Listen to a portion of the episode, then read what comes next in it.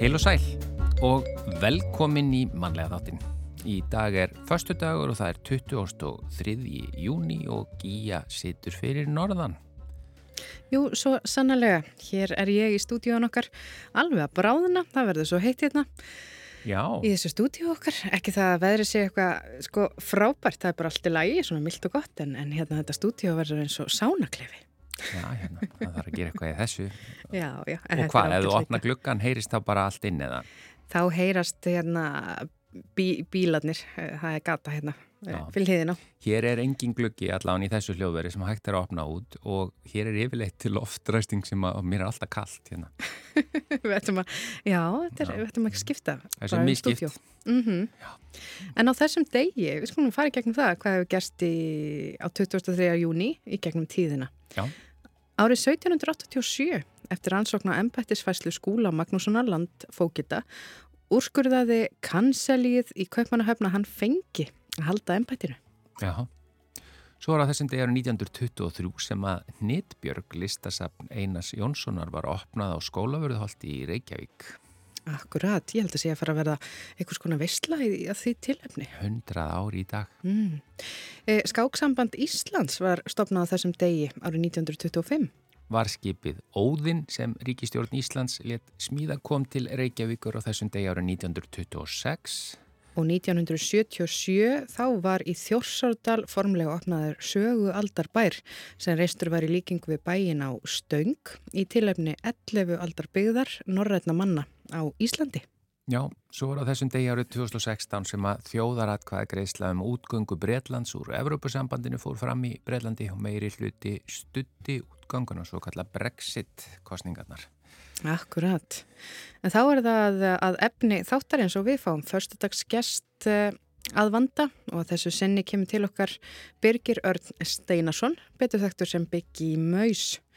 Byggi hefur komið víða við á ferli sínum, hann var þekktur til dæmis með hljómsveitinni Maus og eh, hefur einnig starfað í fjölmiðlum, hann hefur skrifað kvikmyndahandrit og er lærður sálfræðingur og í dag starfar Byggi sem sálfræðingur hjá Sálfræði þjónustu Norðurlands auk þess sem hann er aftur farin að gefa át tónlist eftir smá hlje undir listamannsnafninu Byggi Maus.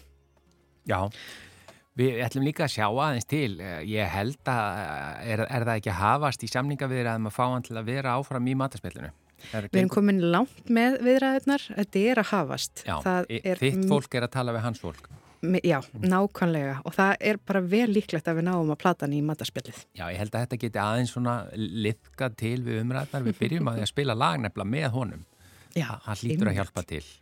Þetta er með þess að glænýtt lag sem var bara held ég mjög nýlega að koma út. Það heitir ekki vera að eyða mínum tíma og nú að því þú sagðir hann er þekktu sem Biggi í Maus en hann kalla sér núna Mm. Biggi Maus uh, sem Akkurat. sem sagt uh, í ásýnum sólóferli. Heyrum þetta lag og svo er það Birgir Örn Steinarsson, föstudagsgestur.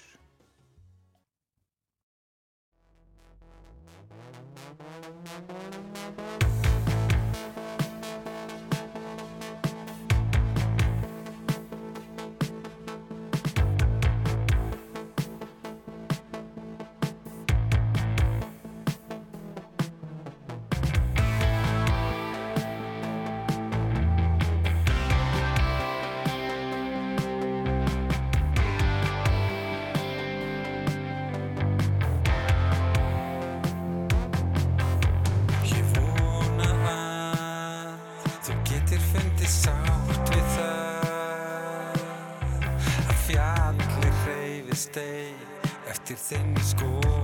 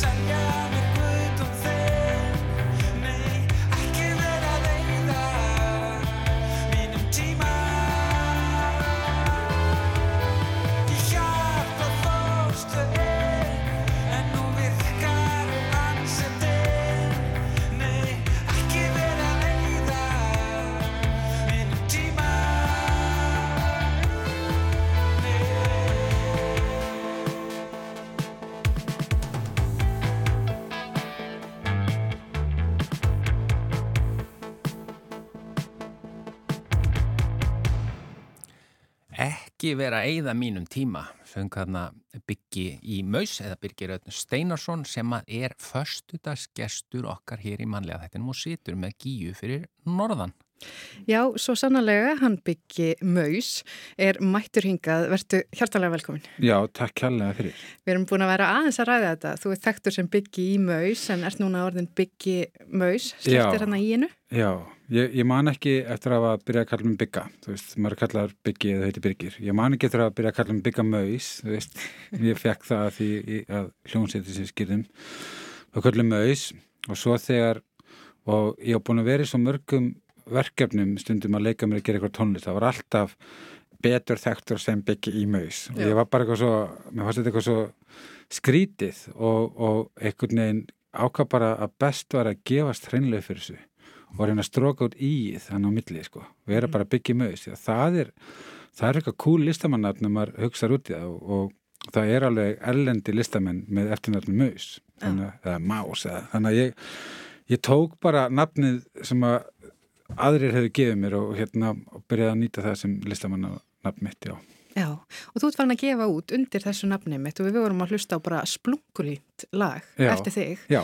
En þú varst nú aðeins búin að taka pásu í að semja tónlist. Ég, ég hérna, svona já og nei, sko. Maus uh, fer í fer í pásu 2003-04 og þá fer ég sem sagt bara ákvaða að, að, að það veri fínt að reyna það að vera næsta björk og flutti til London og hérna ákvaða að gera sólblötu þar. Já. gerði plötu með um, pródúserinn sem voru þaðan einn hindi Tim Simonon og hann, hann hefur með hans pródúserinn Bomb the Bass og Deepest Mode og eitthvað svoles fekk hann tæki var að gera plötu þar og, og hérna eigið alveg tveimur tveimur árum í vinnuna og svo kemur hann út og bara floppar svona svakalega, þú veist, ég held ég að selja 200 eindök og, og hérna og kvarfeila bara, þannig að ég skammaðis mér svolítið eitthvað, skammaðis mér fyrir þess að blötu og var svona eitthvað hérna, ekki vissum hvað ég vildi gera. Þannig að í alveg 15 ár gaf ég ekki út sem solo en á þessu 15 árum þá gaf ég alveg út undir uh, tveimur svona hljómsveitanöfnum, eitt hitt Króna og var alvöru hljómsett Já, alvöru hljómsett Já, já, það heitir Byggital og var uh, plat hljómsett sko. sem var það bara þú í rauninni? Já, ég stýrði henni fekkvölda fólki með mér sko. Já, og svo var náttúrulega maus á þessum tíma að spila og gefa út vínarblötu þannig að ég var alveg full í tónlistinni en í felum sko. Og mm. þorði ekki að gefa út undir hérna solo sem soloartisti. Ég heyrði þig einu sinni segja að, að þú væri, að því það er mismunandi tónlistafólk sem að sumir æfa sig og verða opbáslega flinkir á hljóðfæri sitt og eitthvað svona mm. en þú, að þú, þú sagðir ég getu alltaf tekið gítarinn minn á þess að ég byrja að semja eitthvað. Já, já, ég, ég nálgast hljóðfæri mitt þannig og, og eða hljóðfæri Það frekar en að spila kannski eftir ykkur annan og eitthvað svoleiðis að Já, það ég- bara byrjar að búa til bara ef þið langar að upplifa eina hræðilegustu partí upp á uh, lifun sem þú eru upplifa að það rétti mér þá kassagítarinn í partíinu sko, þegar það, ég, þá get ekki bara að búa spila, ég get ekki spila stála nýr sko, ég, ég kann það í alveg en ekki. Já, já, já. Þannig að hérna þannig að ég nálgast hljóðfæri ymitt svona og, og, og kann örlítið á nokkur hljóðfæri en ekkert súper vel á neitt bara, já Einmitt. Við ferum nú alltaf svolítið í fortíðina hérna í þessu spjalli eh, og þá er nú svona verðt að spyrja bara hvenna byrjaður að sísla við tónlist? Hefur tónlist alltaf verið svona viðlóðið alveg frá því varst bara krakki? Já, það eru, það eru maus, er einmitt að halda upp á 30 ára ámæli sitt í ár. Uh, við erum að spila bræðslunni að, í lok júli núna vegna þessa. Hvena komið þið síðast saman? Uh, 2017. Já, já, Það, já. það gerist sjaldan og ég held að sé alveg óhætt að, að, reikna með því að það mun ekki gerast mikið Nei, oftar sko. Að- Þurft að plata ykkur í þetta eða? Við erum, maus er, er í maus er algjört svona hérna, algjört líðræði sem þýðir að, að, að það þurfa að vera unanimous decision til þess að hluti sér gerðir. Það vera Allir sammála Já, ef það er ekki fjögur já þá er hlutin ekki gerðir. Þannig að í 99% tilöka þegar hann bænir um að gera eitthvað þá er það nei. Þannig að það er bara halgir kraftaverk, segi ég. Þannig við eigum 30 ára amali, þannig að ég er búin að vera búin að maus vinnur músitilnir fyrir 29 árum síðan. Þar á undan var ég búin að vera í hljómsettum í fjögur ára eitthvað svoleiðis. Ég byrjaði mínu fyrstu bandi þegar 13 ára. Þannig að já, allir, já, þetta hefur bara alltaf verið Mm. viðlöðandi. En svona sem krakki varstu þessi alltaf að koma fram í, í, í bóðunum, þú veist, jólabóðum og amalisbóðum og, og varst svona, vildi trana þér fram, varstu svona þessi típa?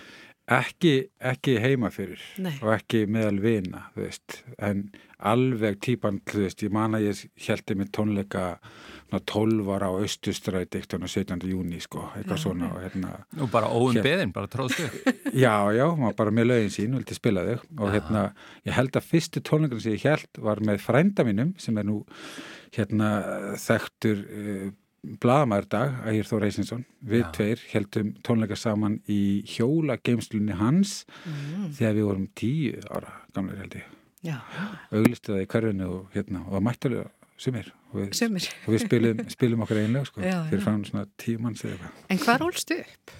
Ég er alveg upp í árbænum uh, mest megnis, við fluttum reynda svolítið oft þannig að, að á mínum fyrstu 16 árum þá flutti ég svona 12 sinnum. En í Reykjavík? Já, og yfirleitt innan yfirleitt innan árbæðir Ör, örsjaldan út fyrir árbæðin en ég er, ég segi, ég er árbæðingur ég er svona mest alveg þar upp. Já, var ekki gott að alast upp í árbænum? Jú, Fylgir og... já, ég var endur ekki í fótboltanum Nei. ég er ekki náða því. En, hérna, en það var bara mín hérna, árgangur, mín kreðsa var bara full af mjög skapandi fólki sem að sér í dag að var svolítið sérstætt veist, þarna eru með mér meðlemi Maus uh, Körver Tórótsen uh, fleiri hérna s- sammi kvikmyndi gera maður var með mér í hérna bekk líka. Og það var eitthvað bara hérna skapandi þannig loftinu og að jú, það, var, það, það fannst mér að besta það alveg í orbanum að hvað var mikil svona hérna svona hvað voru listræn hópur sko Svona gróska. já, á þess að við höfum hugmynd um það En- að man- að Manstu eftir því, sko, eh, tónlistin greinlega hefur verið svona sterk mjög lengi í þínu lífi, en manstu, er eitthvað, eitthvað svona annað sem þið langaði eða dreymdu um að verða, eða var það bara alltaf eitthvað, eitthvað tengt tónlist? Vá. Stór Ég- spurning. Ég held að ég sé það heppin að ég geti sagt að ég, ég man mér segja þegar ég var lítill og sá heimildamind um djúran djúran. Mm. og þá var aðteglin svo gífilega á þeim og þá sýndi myndinni hvað það var svo erfitt að fá allars aðtegli og ég er náttúrulega hálf einhverfur og bara ekki algjörlega til í þetta. Þannig ég sagði mamma og pappa að ég ætlaði að vera popstjarnar í felum þegar ég var svona 7-8 ára og ég held að mér hafi tekist það ég held að þekki fleiri nafni Biggie Mögus en, en smittaði mér sko. Og hérna og þannig að, að ég, ég ætlaði alltaf að vera eitthvað í kringu tónlist eða skrifa. Ég man það og það er það sem ég hef gert. En, en, en ég meina talandu um þetta að því að Maus verður nú bara mjög vinsæl hljómsitt mm. fannst þér aðtiklin erfið eða? Uh, Mér finnst aðteglinn frábær þegar ég byð um hana. Já, þú veit stjórnunni. Maður verður að vera svolítið aðteglisjökullist að mér finnst mjög gaman að vera á sviði, mér liði vel á sviði, þú veist, mér finnst gaman að búa til hluti og sína fólk þá. En þess að milli vil ég enga aðtegli. Þú veist, ég til dæmis plögga sjálfur mér eiginlega mjög sjaldan í viðtöl. Uh, ég... Um, gerðist bladamæður sem er náttúrulega flottasta múf til þess að halda þér úr, úr fjölmjölum það er að vera bladamæður sjálfur. Þannig að ég á þessi tíma. Þannig að ég, ég hérna, ég finnst svona prívat lífs aðtegli mjög óþægileg og ég passa mér bara upp á það, bjóð ekki upp á það. Ég hef gert það. Já, en uh, Þú talaður um að hafa vilja skapa, annarkvort tónlist eða skrifa og við heyrðum það mitt hérna í læginu þínu í byrjun að textin, mm. það er svona saga og, og textin, það er hérna mikil meining og merking í honum, hefur alltaf verið að skrifa líka alveg frá því varst bara lítill, en sögur verið svona Já. mikilvægur. Ég hef, gert það, bara frá því að ég var lítill þá skrifaði smásögur uh, og þá það sé vann við sem lengst, ég var bladamæður þannig að ég uh, átti ofan í mig í 10-15 ár með því að skrifa. Og svo núna hef ég fært það yfir bíómyndinar eða, eða popteksta þannig að já, ég hef alltaf gert það. Og mm -hmm. bara áðans að fatta það þú veist, það er bara eitthvað sem maður hérna hefur verið að gera. Og, og þú skrifa tekstana bæði á, eða, ég menna, semur þú alla teksta maus? Alla teksta maus, já. Þú skrifaði bæði þá á ennsku og íslensku? Já, það fór alltaf eftir því hvort að við værum að vinna eitthvað með erlendu fólki eða ekki. Mm. þannig að text maus söng á ennsku þegar vorum eitthvað svona samminu við eitthvað núti og átt að gera eitthvað í tónlistina þar. Já, þið túruði nefnilega mikið, ekki? Við túrum alveg eitthvað, eitthvað ekkert á borðið sigur og segja já, nei, nei. svona bönd en við fórum alveg nokkuð sem út að spila, jú. Og ég held að eitt af síðustu tónlingum maus fyrir pásun okkar var meðal annars í Central Park í New York bara og geggjum geggjuð gigi sko, það var, það var mjög gaman. Og þið unnuðu það ekki líka með hvað upptökustjórum eða svona einhverju hérna, tónlistafólki mjög frægum stórum nöfnum eða ekki þegar það voru að gera plötu Já, við fengum sagt, ég, veist, þetta er svo ótrúlega saga að, mm. að, að við fengum hljómbósleikaran í kjúr til þess að spila á einni plötun okkar sem að, þú veist, fyrir mig ég var náttúrulega einn mest í kjúradáðandi allra tíma, þú veist, þegar ég var 13 ára þá var ég með tónlistkjúra repeat inn í setnherbyggi þú veist, fjórum ára setna er ég að gera plötu með hljómborleikarnum, sko. Þannig að já. lífi getur verið alls konar. Já, hérna, það er allt tækt Það er allt tækt nefnilega. En svo mann í annað talandum texta, sko að þú uh, þú, það er að segja texti með maus ég e-maila þig eða e-maila þig uh, þetta var svona, þetta, þú ert mjög framalega þarna því að þarna er maður valla byrjaðar að e-maila 1997 sko Já, já, ég, ég, þú varst svona meðvitaður um nýja tækni. Já, já, bara eins og allir. Ég held að allir á tíma að vera að hugsa þetta. Og ég hafi gaman að því að spá hvað myndi gerast næst mm -hmm. veist, og textin er, er framtíðar spá og ég er ós að ána með hann text í dag því að á mörgu leiti hefur þetta ræst. Það er alveg vandamál til þessi Japan í dag. Það er fólk sem að lifir bara þannig að það þurfi ekki að vera í face to face samskiptum við annað fólk. Það er sko ekki bara í Japan Nei, nei, nei, nei við þekkjum þetta með börnin okkar líka. Það er bara mjög víða myndi ég segja.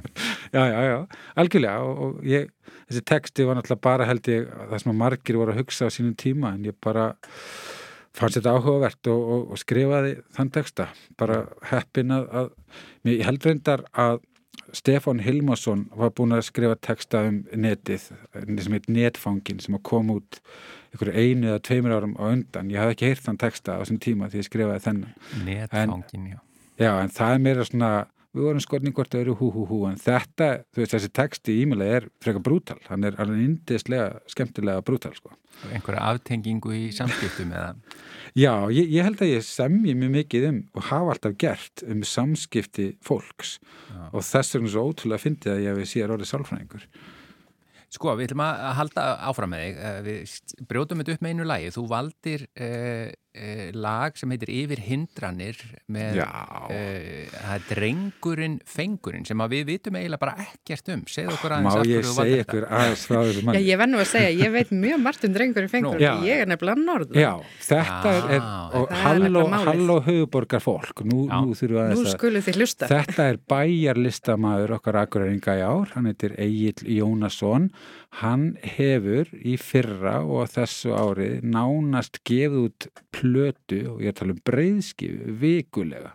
Þannig að á síðast ári held ég að við komið út 20 til 30 breyðskifur eftir hann. Wow. og þess ári og það er júni þá er hann búin að gefa út 14 eða 15 breyðskifur svo síðast að koma út áðan og heitir Debut 2 sem var framald að björga framald að björga Þannig að drengurinn fengurinn er að vinna með eitthvað sem ég dáist mikið að, hann, hann er svona að vinna með flæði og hann er að vinna með það að vera sískapandi og, og hljóður þetta bara allt sem kemur út á hverjum degi og bara gefa það út. Það er engin filter þarna. Að þar á leiðindi hefur engin fylst með öllu sem hann gefur út, þetta er bara ofmikið magn. En það er gaman að tjekka á honum, ég reyna að hlusta allan eitt tvölu á hverju blötu í hverju viku, þú veist nótabenni mm og hann er að vera betri og betri hérna pródusir líka sko mm. og þetta er sérstaklega eh, svona og hann um hann fjallar um hverstaslega hluti svipað eins og Prins Póla og Dr. Gunni hafa gert áður greinundir áhrifin frá þeim Já. en síðan er hann þú veist, er náttúrulega þú veist, þetta eru, ég veit ekki hvað hundruði laga sem að koma út með hann hverju ári þannig að Þannig að hann er ofta að leika sér svona alls konar í tónlistinni. Já. Og þetta er mjög merkilegt framtak að gera þetta svona svakalega mikið. Og ég meina, hann setur þetta sínist mér eiginlega meira að minna all líkin á YouTube. Já, já, og, og fullt af lög, sund kemur bara á YouTube og ekki á Spotify. Þú veist, einhver myndbönd sem hann gerir eins og fyrir bíladaga, lag sem kom bara út á YouTube en ekki á Spotify. Þannig að þetta er, hann, hann er öruglega búin að gefa út fleiri lög en allir íslendingar nú þegar. Samanlagt samanlagt og það eru örglega margir búin að sjá hann og það hann var í landainslægi bara fyrir ekki Já. svo löngu síðan Já. og akkurat út af því að hann er að gefa svo og hann er svona popstjarni fyrir líka, notar grímu Já. og svona, ég tengi mikið við hann Við hérna heyrum þetta lag núna þetta er yfir hindranir, drengurinn fengurinn eh, Egil Lógi Jónasson, svo höldum við áfram með Birgir Steinarsson,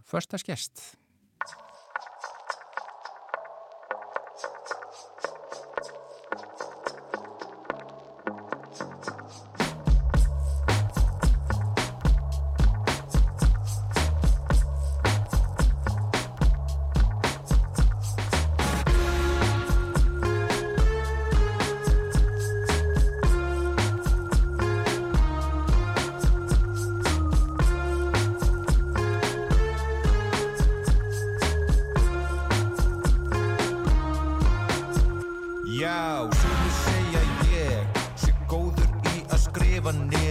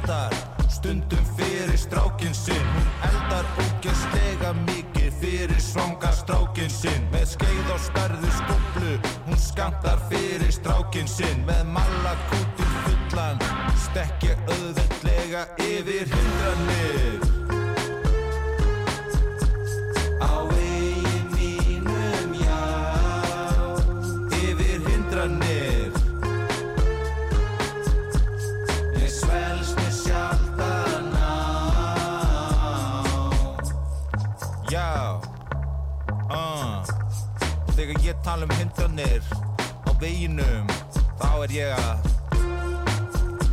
tala um lífsins veg bókin um vegin ég las hana alla uh, upp til agna. Og fer eftir spekki hennar í daglegu lífi.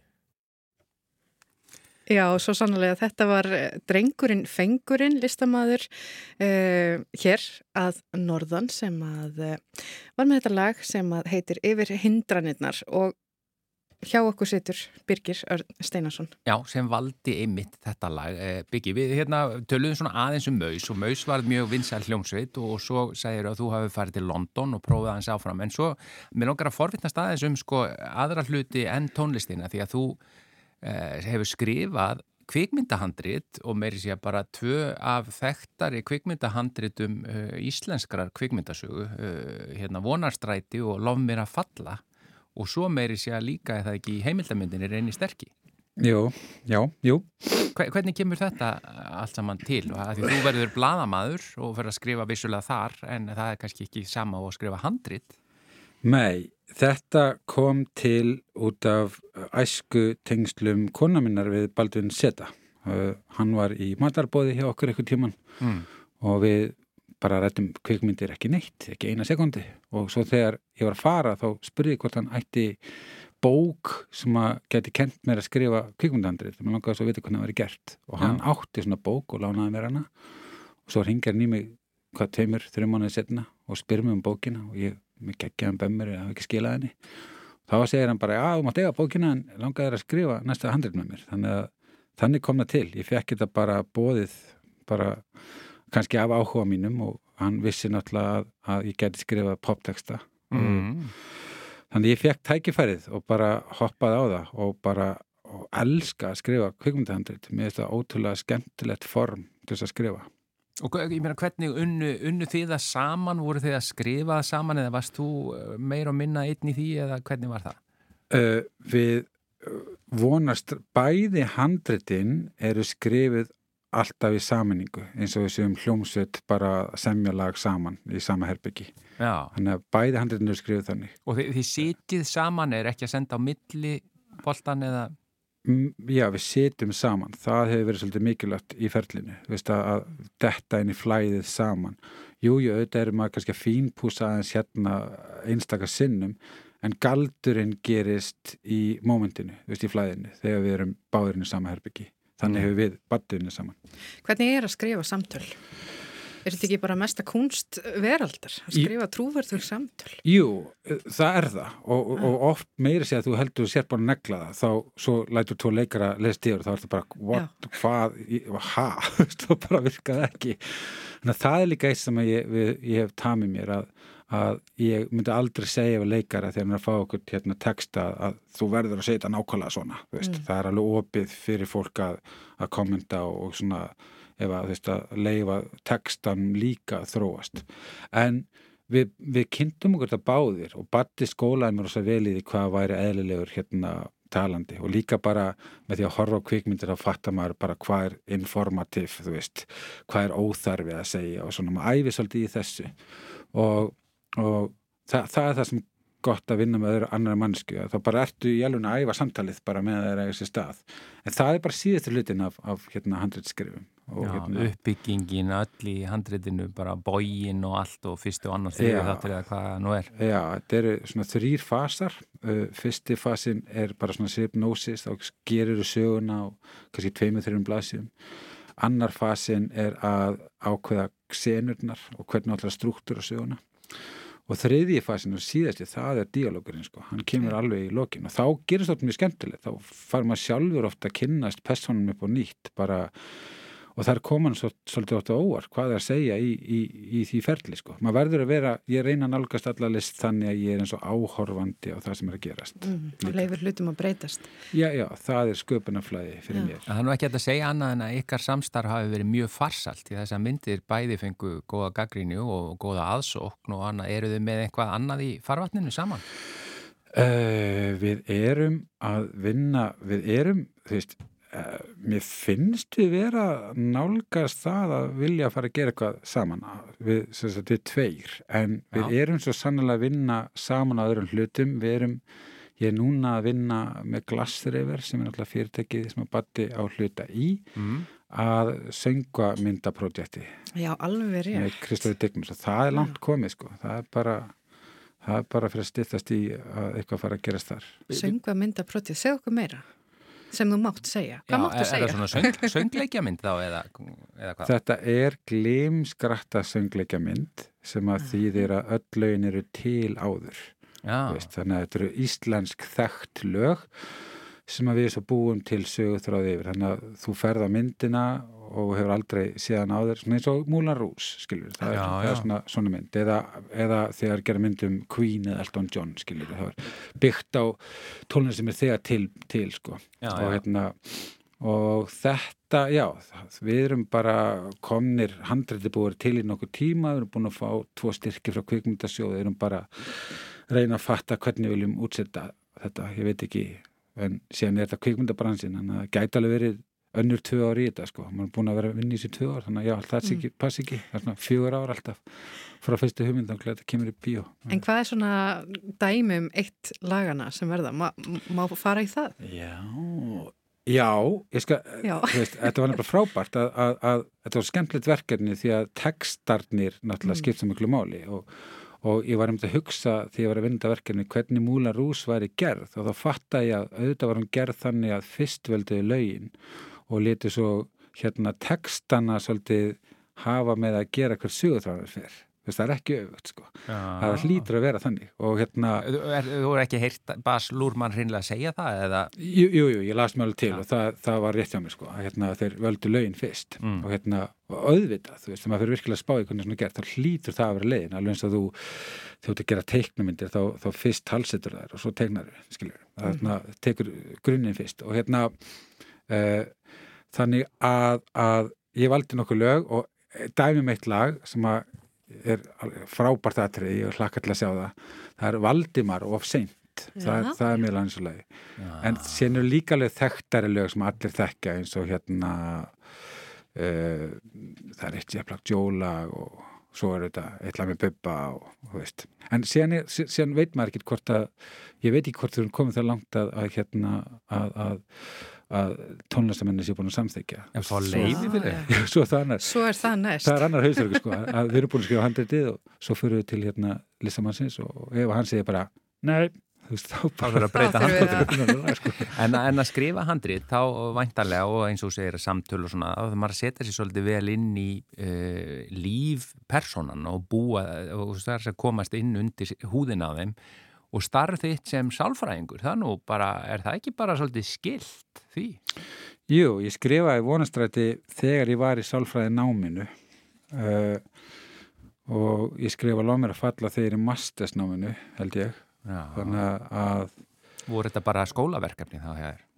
nei, þetta var bara eitthvað sem maður gerði til þess að, að maður verður alltaf að hafa eitthvað allt annað að gera líka, þú veist, til þess að geta tekið hugan úr einhverju mindseti, þú veist, mér finnst það allan þægilegt að, að hafa alltaf nokkra hluti mismyndi verkefni í gangi.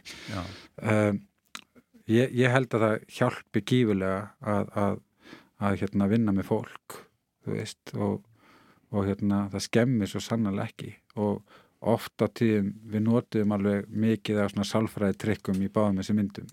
Já. alveg svona ég man til dæmis að, að í vonastræti stuttust við við hugtak sem heitir fundamental attribution error Sem þýðir hvað? sem þýðir það að, að mannfólki hefur tendansi til að útskýra hegðun annara með persónuleika, að sé eitthvað við persónuleika þeirra sem að, þú veist, hann er svona þegar hann er alltaf verið óbilsfullur, skiljur í staðin fyrir að skoða aðstæður og hérna umhverfi. Í fyrsta skipti sem við sjáum alla persónur í vonastræti þá sjáum þar í raungu, við sjáum ranga myndaðin. Móri er potential pedofíl, skiljur, bara svona mögulega hættulegur gauður, skiljur. Ég, þannig að Eh, þið meinar, ert að gappa hlust, nei, áhorfandan til að dæma vittlust fyrst eða hvað? Já, já, Já.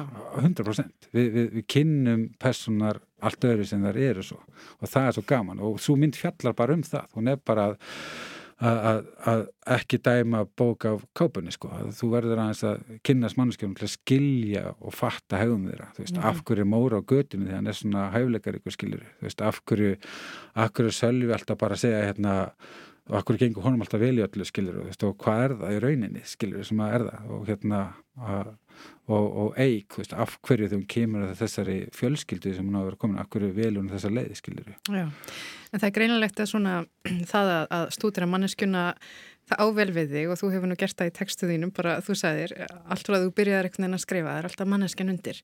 En hvernig var að fara í þinn fyrsta sálfræði tíma þegar þú varst búin að ákveða þarna vendaðinu hvaðið svolítið í kross og varst allt í hennu sestur og skólabæk? Já, það var mjög skeri og, og sem betur fer í náminu þá er maður þjálfar í því, þú veist, á meðan ennþá í skólanum, það er svona sálfræðar aðgjöf í Háskóli Íslands og þú farið og prófaði áfram þar með handleyslu góðs fólks. Þannig að það hjálpaði til. Ég átti mjög erfitt með svo að fara á þann stað að bara þykja peninga fyrir þetta, skiljur. Það fannst mér svolítið erfitt koncept. Þannig til að ég gat svona fatta að við erum bara kennarar.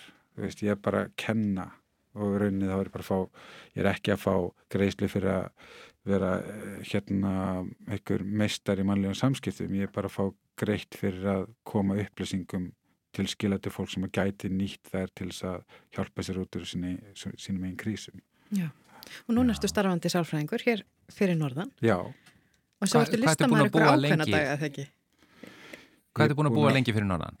ég, það er akkurat tvö ár, bara núna um næstu mannaðamöld. Já. Já.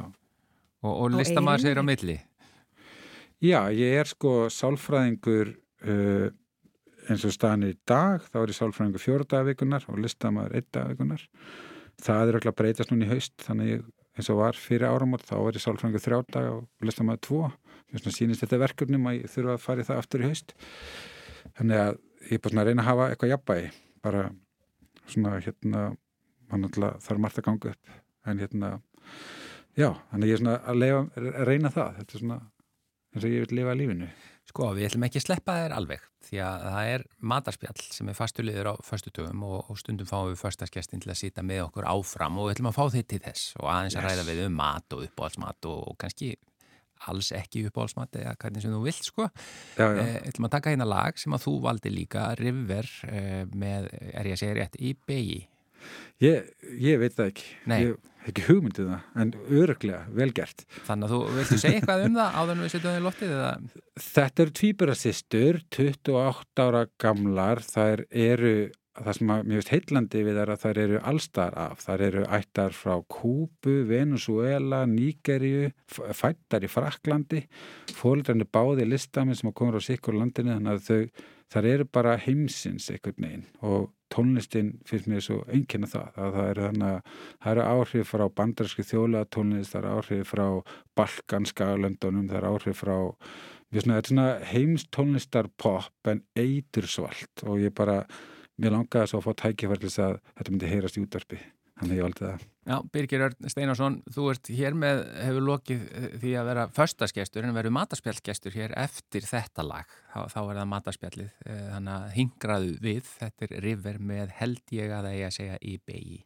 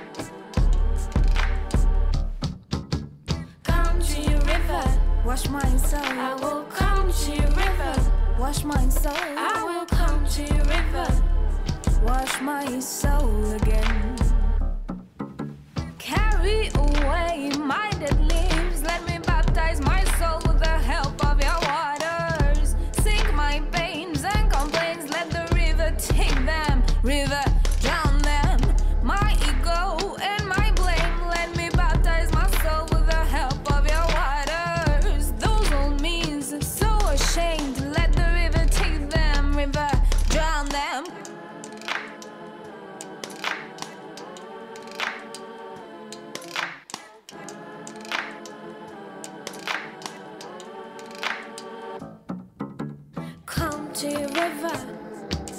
I will come to your river. I will come to your river. Come to your river. Wash my soul. I will come to your river. Wash my soul. I will come to your river. Wash my soul again.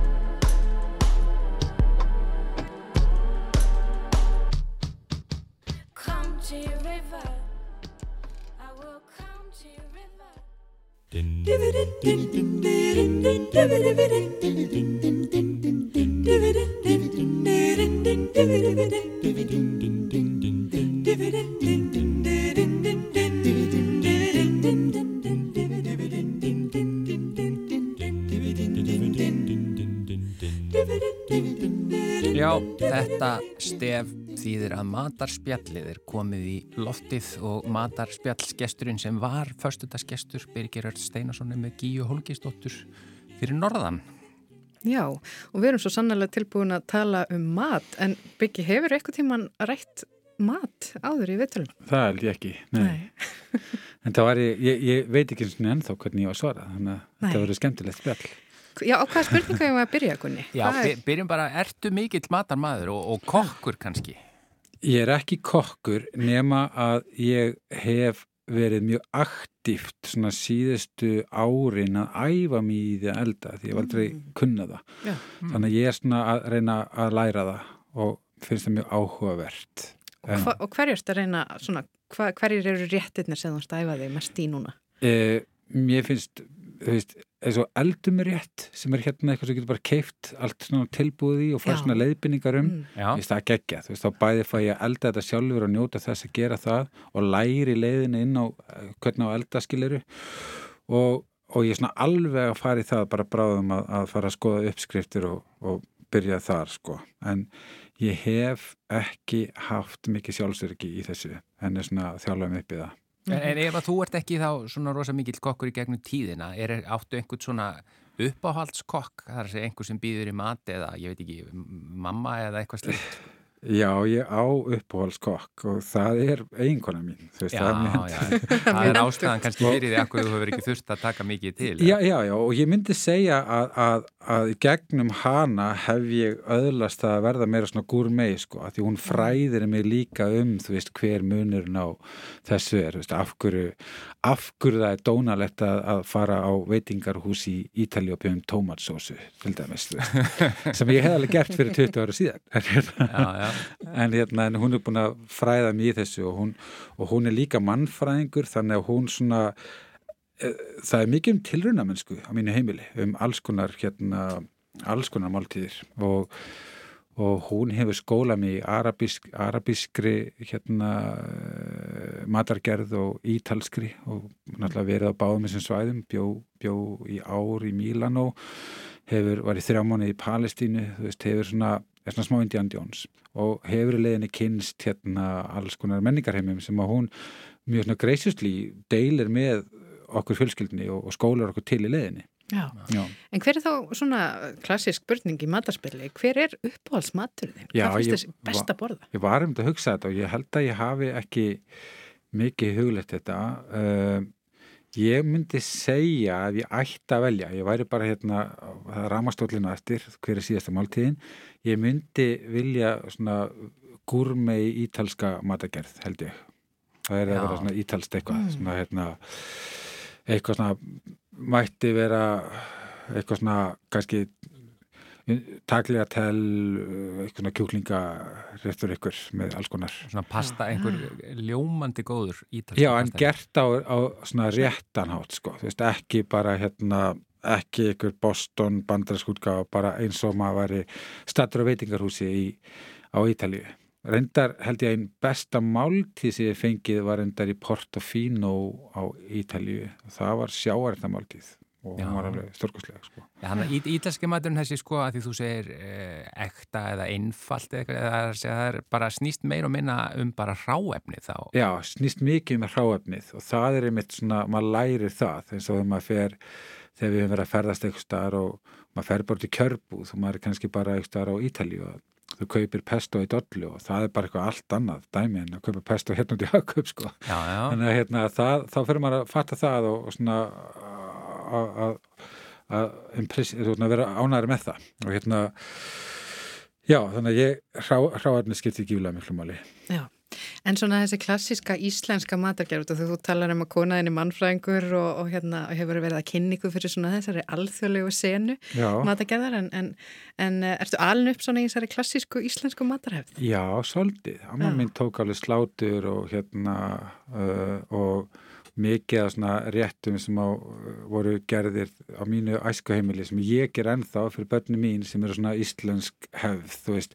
sérstaklega fyrir okkar, þú veist, við, ég kem ekki úr miklu ríkudæmi, við svona fluttum mikið, vorum að legumarkaðunum og svo leist, þannig að heim, íslenskur heimilismatur sem er gerð til að spara pening og er góður, svona svo kjötbólur bara í hérna, þú veist soðnar kjör, kálbögla skilurðu. Kálböglar, já. Já, Það er nú alltaf klassík. Já, klassik, ég elska að gera svona mat líka og Já, ég, ég held að ég sé byrjar að elda örglega jafn mikið ef ekki meira en kona mín á heimilinu en þá er það líka bara svona meira þú veist, þegar hún eldar, þá er það bara þá er veistlan, veitu það, ég er svona sé ég sé þú sér að hverstagsmati. Já, en, en talandi um hverstasmat og, og ekki, það er að segja sparimaturinn eða eins og jólamatur eða á svona hátíðum, hátíðamatur. Hvað, Já. fyrsta lagi, sko, hverjustu vanur uh, úr bara æsku í því Já, og, og hvernig ég- er svoleiðis matur í dag hjá ykkur? ég, ég var alin upp í rjúpur og fílaði það aldrei. Þannig að ég var mjög gladur að brjóta þá hefð og fari yfir í hambúrgararhyggjum Þú varst ekki hrifin að rjúpa? Nei, bara veit ekki hvað það er. Það er bara eitthvað, eitthvað við kjötið sem Já. ég tengdi ekki við En borðar hambúrgararhjög uh, núna? Ég held að þessi sem ég borða ekki þú veist, ég er, er mjög, ég er ekki matvandur þú veist, ég, og frekar til að prófa eitthvað nýtt þú veist, eins og ef maður er á ferðalagi í Fraklandi og það er, að, það er bóðið upp á að geta keift hérna kindagarnir þú veist, af einhverjum gúrmei kokk þá, þá, þá, þá prófa ég það auðvitað. En, en hvað er þá það svona skemmtilegasta eða skrítnasta sem þú hefur þá prófað að borða? Það lítur að vera svið Já, ok. E- eða, eða hérna, eða, eða hérna uh, slátur en já, en svona kindagarnir það var svolítið skrítin, matur að borða Já, voru það þá fylltar eitthvað? Nei, en það voru, voru steiktar pönnu með alls konar döti, smjörsteiktar og eitthvað svona þetta var, þetta var mjög sérstætt Já, var þetta gott? Þetta var ekki alveg nóg gott en ég klára alveg hálfan hérna, hálfan diskin sko Já. og svona, En hvað með hérna svona eftirmat og svoleiðis sætindi? Ertu mikið fyrir svoleiðis? nei, ég reyni ekki Nei. ég borða til þess aldrei morgunum að heldur ég borða ekki það oft svona bara yfir höfuð en Já. mér veist gott þegar ég borða þá Er, þetta meina yfir daginn, borðar ekki, ekki borðar fáar máltíðir? Já, núna hlæja þeir sem að þekkja mig því, því kannski ég er alltaf að stinga ykkur upp í munna mér sem, sko. Já, já, já. Er svona narstari eða maulari. smá, smá, Já. smá, en hérna en, en svona máltíðir, þar eru bara kannski ein, það er hátíðismættur sem bara eitthvað samloka Mm.